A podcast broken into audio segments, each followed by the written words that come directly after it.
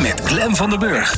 Meer luisteren? people-power.nl Ja, wat is het doel van een, eh, van een bedrijf eigenlijk? Daar, eh, daar zijn regelmatig discussies over. Eh, sommigen zeggen geld verdienen. De anderen zeggen continuïteit. Er zijn weer mensen die zeggen nee, je moet een maatschappelijk belang najagen. Maar ja, stel je nou eens voor dat het, het doel van een bedrijf simpelweg is om mensen werk te geven. En uh, ja, dat is een van de, van de visies van uh, Sibren Houtman van ELO. Dus uh, ja, Sibren en ik, wij, wij denken wel eens na over iets, iets verdergaande zaken dan maar gewoon het normale in, in, in, in, ja, in organiseren. En, en, soms, en ineens kwamen we hierop, Sibren. Waarom zit dit in je hoofd? Ja, nou, de, um, hallo Glenn. Ja, het is natuurlijk ontzettend interessant om altijd over rendement en gangbare doelstellingen te praten die uh, organisaties uh, najagen. Um, en daar wil ik het vandaag ook wel over hebben, over rendement en doelstelling. Uh, maar dan eigenlijk eens een keer vanuit het perspectief hoe dat ons in de weg zit om het goede te doen. Mm -hmm. En ik vind als je nu naar de, niet alleen naar de wereld van werk kijkt, maar naar, naar de wereld kijkt of naar Nederland kijkt, dan sneuvelden er eigenlijk uh, domweg veel te veel dingen omdat ze uh, uh, geen rendement opleveren of niet kostenefficiënt genoeg zijn. En dan denk ik aan prachtige dingen zoals de kunstsector, hè, die helemaal ingeperkt moet worden omdat het zogenaamd geen geld oplevert. Um, dan heb ik het over zorg die onmenselijker wordt omdat we ons druk maken over dat de zorg anders veel te duur wordt. Ja. Over meesters en juffen die onderbetaald worden en voor veel te grote klassen staan. Um, uh, dus we willen eigenlijk, uh, we zijn een beetje doorschoten in alleen maar dingen doen die rendement opleveren. Um, en dat is eigenlijk helemaal niet zo slim, want we weten al lang dat we een verdelingsprobleem hebben en dat uh, een steeds kleinere groep is die steeds meer geld heeft. Dus als we alleen maar dingen doen die rendement opleveren, dan blijft dat vooral daar naartoe stromen.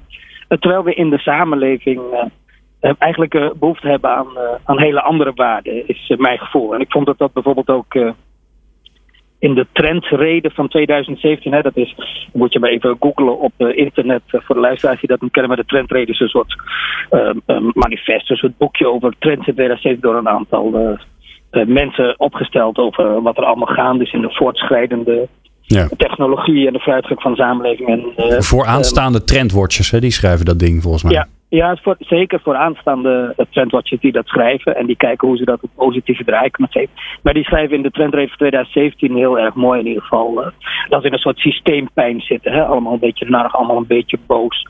Allemaal een beetje ongekend. Hè? Ik doe het toch niet toe uh, gevoel. En dat is natuurlijk heel treurig. Dat zoveel mensen zich zo uh, voelen. En ik denk dat dat eigenlijk te maken heeft met het feit dat we bijna alles vanuit een soort rendementsperspectief benaderen. En dat is natuurlijk ook heel erg eigen aan bedrijven.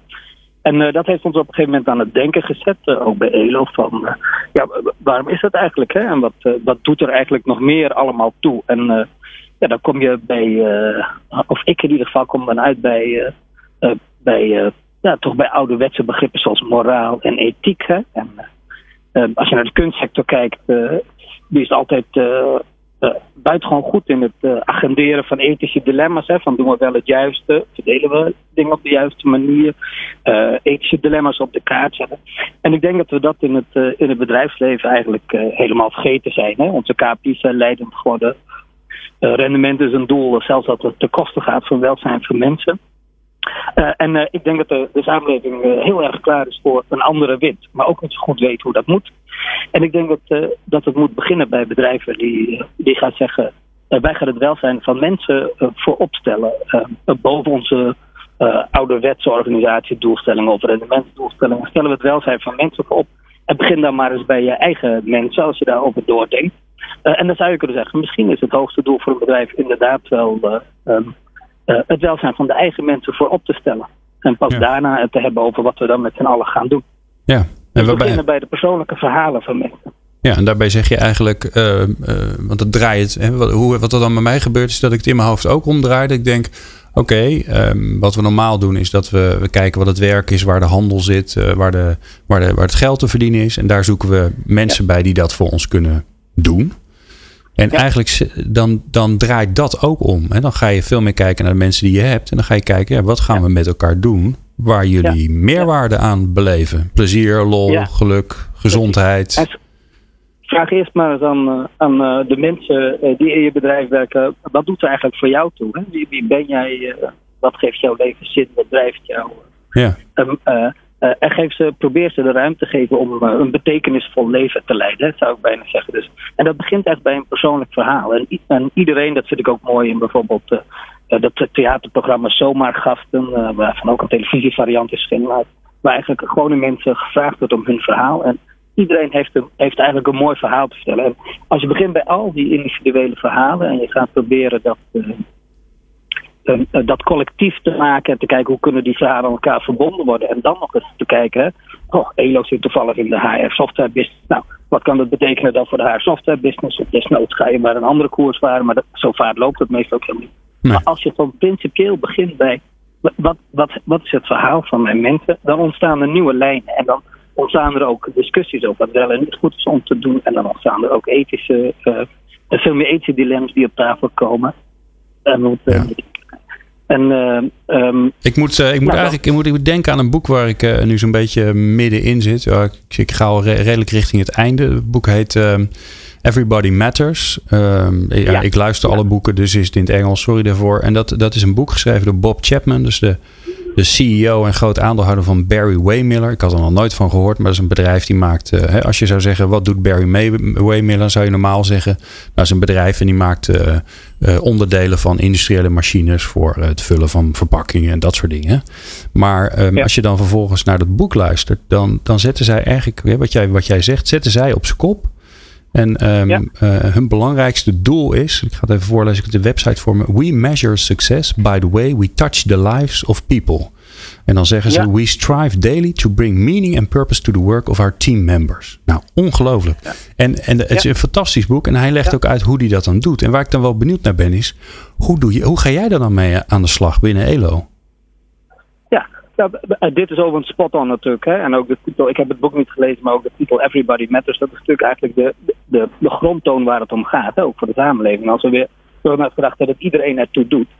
Um, uh, dan ga je eigenlijk op een totaal andere manier uh, langzaam met elkaar om, denk ik. En als je concreet kijkt wat wij uh, bij ELO doen, of ik wil ook niet altijd zeggen dat ELO nou het perfecte voorbeeld is, maar wat ik in ieder geval aan bedrijven op zou, op zou willen roepen om, om te doen. Wij proberen dat zelf ook en met z'n allen komen dan graag. Mm-hmm. Is beginnen met inderdaad de lokale vraag stellen: waar heb jij behoefte aan? Nou, dat is gewoon echt een individuele vraag.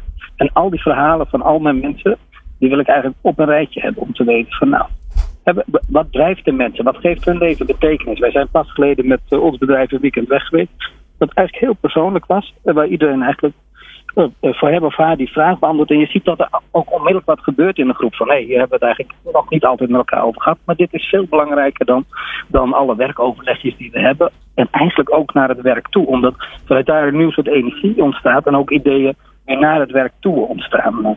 Ja. Um, en dat betekent ook denk ik dat je als bedrijf veel breder moet gaan, uh, gaan kijken naar uh, uh, de vraag wat doet dat toe. En dat is een vraag die voor al je mensen gesteld moet worden, maar ook voor het collectief. En dat betekent ook dat je niet zo strak nou, met bijna oogklep op naar je doelstellingen moet kijken. Maar dat je breed moet kijken. Ik zeg ook wel tegen mensen, misschien moet je je elektronische leeromgeving op de deur uit doen en, en de cultuur- en concertagenda regionaal ervoor in de plaats brengen. Hè, zodat mensen ja. in werkelijkheid naar een concert gaan of naar een museum gaan. Ja, en dan met elkaar het liefst. Ja. En, ja, en ik, ik geloof er echt in. Ik geloof ook echt dat je uh, ook, ook uh, de moraal en de ethiek en de filosofie terug moet brengen in, in, in het bedrijfsleven. Zodat je anders gaat agenderen met elkaar. En ik, ik geloof dat we dan vanzelf betere dingen gaan doen. Ja, het, het klinkt Mooi. een beetje. Nee, het klinkt idealistisch. En daar is niks mis mee ja. volgens mij. Nee, idealistisch. Sommigen zullen misschien zeggen naïef. Maar dat is leuk is. Uh, dat zeiden ze ook tegen ons tien jaar geleden toen we zeiden dat managen, dat gaat eigenlijk nergens over. En, en Elo voelt zich ook wel goed als we weer wat dingen roepen waar de mensen aanvankelijk wat aarzelend tegenover staan. Ja, ja, ja. En dan hopen we bij dat we met alles toch een beweging op gang brengen. Maar uh, uh, gewoon proberen om uh, ethiek, filosofie, kunst terug te brengen in de bedrijf. Omdat dat dragers zijn van anders kijken naar, naar de dingen, anders dan je gewend bent. En dat is belangrijk, want als je begint bij, uh, bij de persoonlijke verhalen, dan moet je ook anders durven kijken dan uh, wat gaf ook weer de meeste winst of wat uh, vragen de klant ook weer allemaal. Dus je moet het lef hebben om een beetje anders te kijken. En daar heb je hulp bij nodig. maar als we dat doen, nou, ik ben ervan overtuigd dat we dan weer een slag verder komen in de, de wereld van mensen werk beter maken. Ja, nou volgens mij willen we dat allebei en waarschijnlijk de, de, luisteraars van dit mooie programma ook. Um, ik heb het idee dat we nog niet klaar zijn, dus volgens mij moeten we gewoon een keer een hele uitzending daarover kletsen met een paar leuke voorbeelden erbij. Is dat niet een idee? Ja, nou, zeker. En dan uh, kunnen we nog meer mensen uitnodigen. Ja, daarom. Je weet ook, als je ermee bezig gaat, kom je overal mensen tegen die eigenlijk ook hiermee bezig zijn. Ja. Nou, nou dat, wie weet ontstaat er dan nog een beweging. Hè? Sibren, dat gaan we doen. Sibren Houtman van ELO, dankjewel yes. voor uh, deze bijdrage. Volgende maand weer een andere collega van Sibren. Maar dus binnenkort ook in dit theater een hele uitzending over werkgeven als bedrijfsdoel. Dankjewel, Sibren. Oké, dankjewel. We gaan zo bellen met uh, Joost uit de Willigen van uh, Thinkwise. Um, ja, die, zegt, uh, die zegt iets heel stoers. Want die zegt namelijk van ja, als je nou een lerende cultuur wil in een organisatie. Ja, dat, dat gaat niet gebeuren door nog meer te investeren in learning and development. Je moet iets anders doen. En de grote vraag is natuurlijk, wat dan?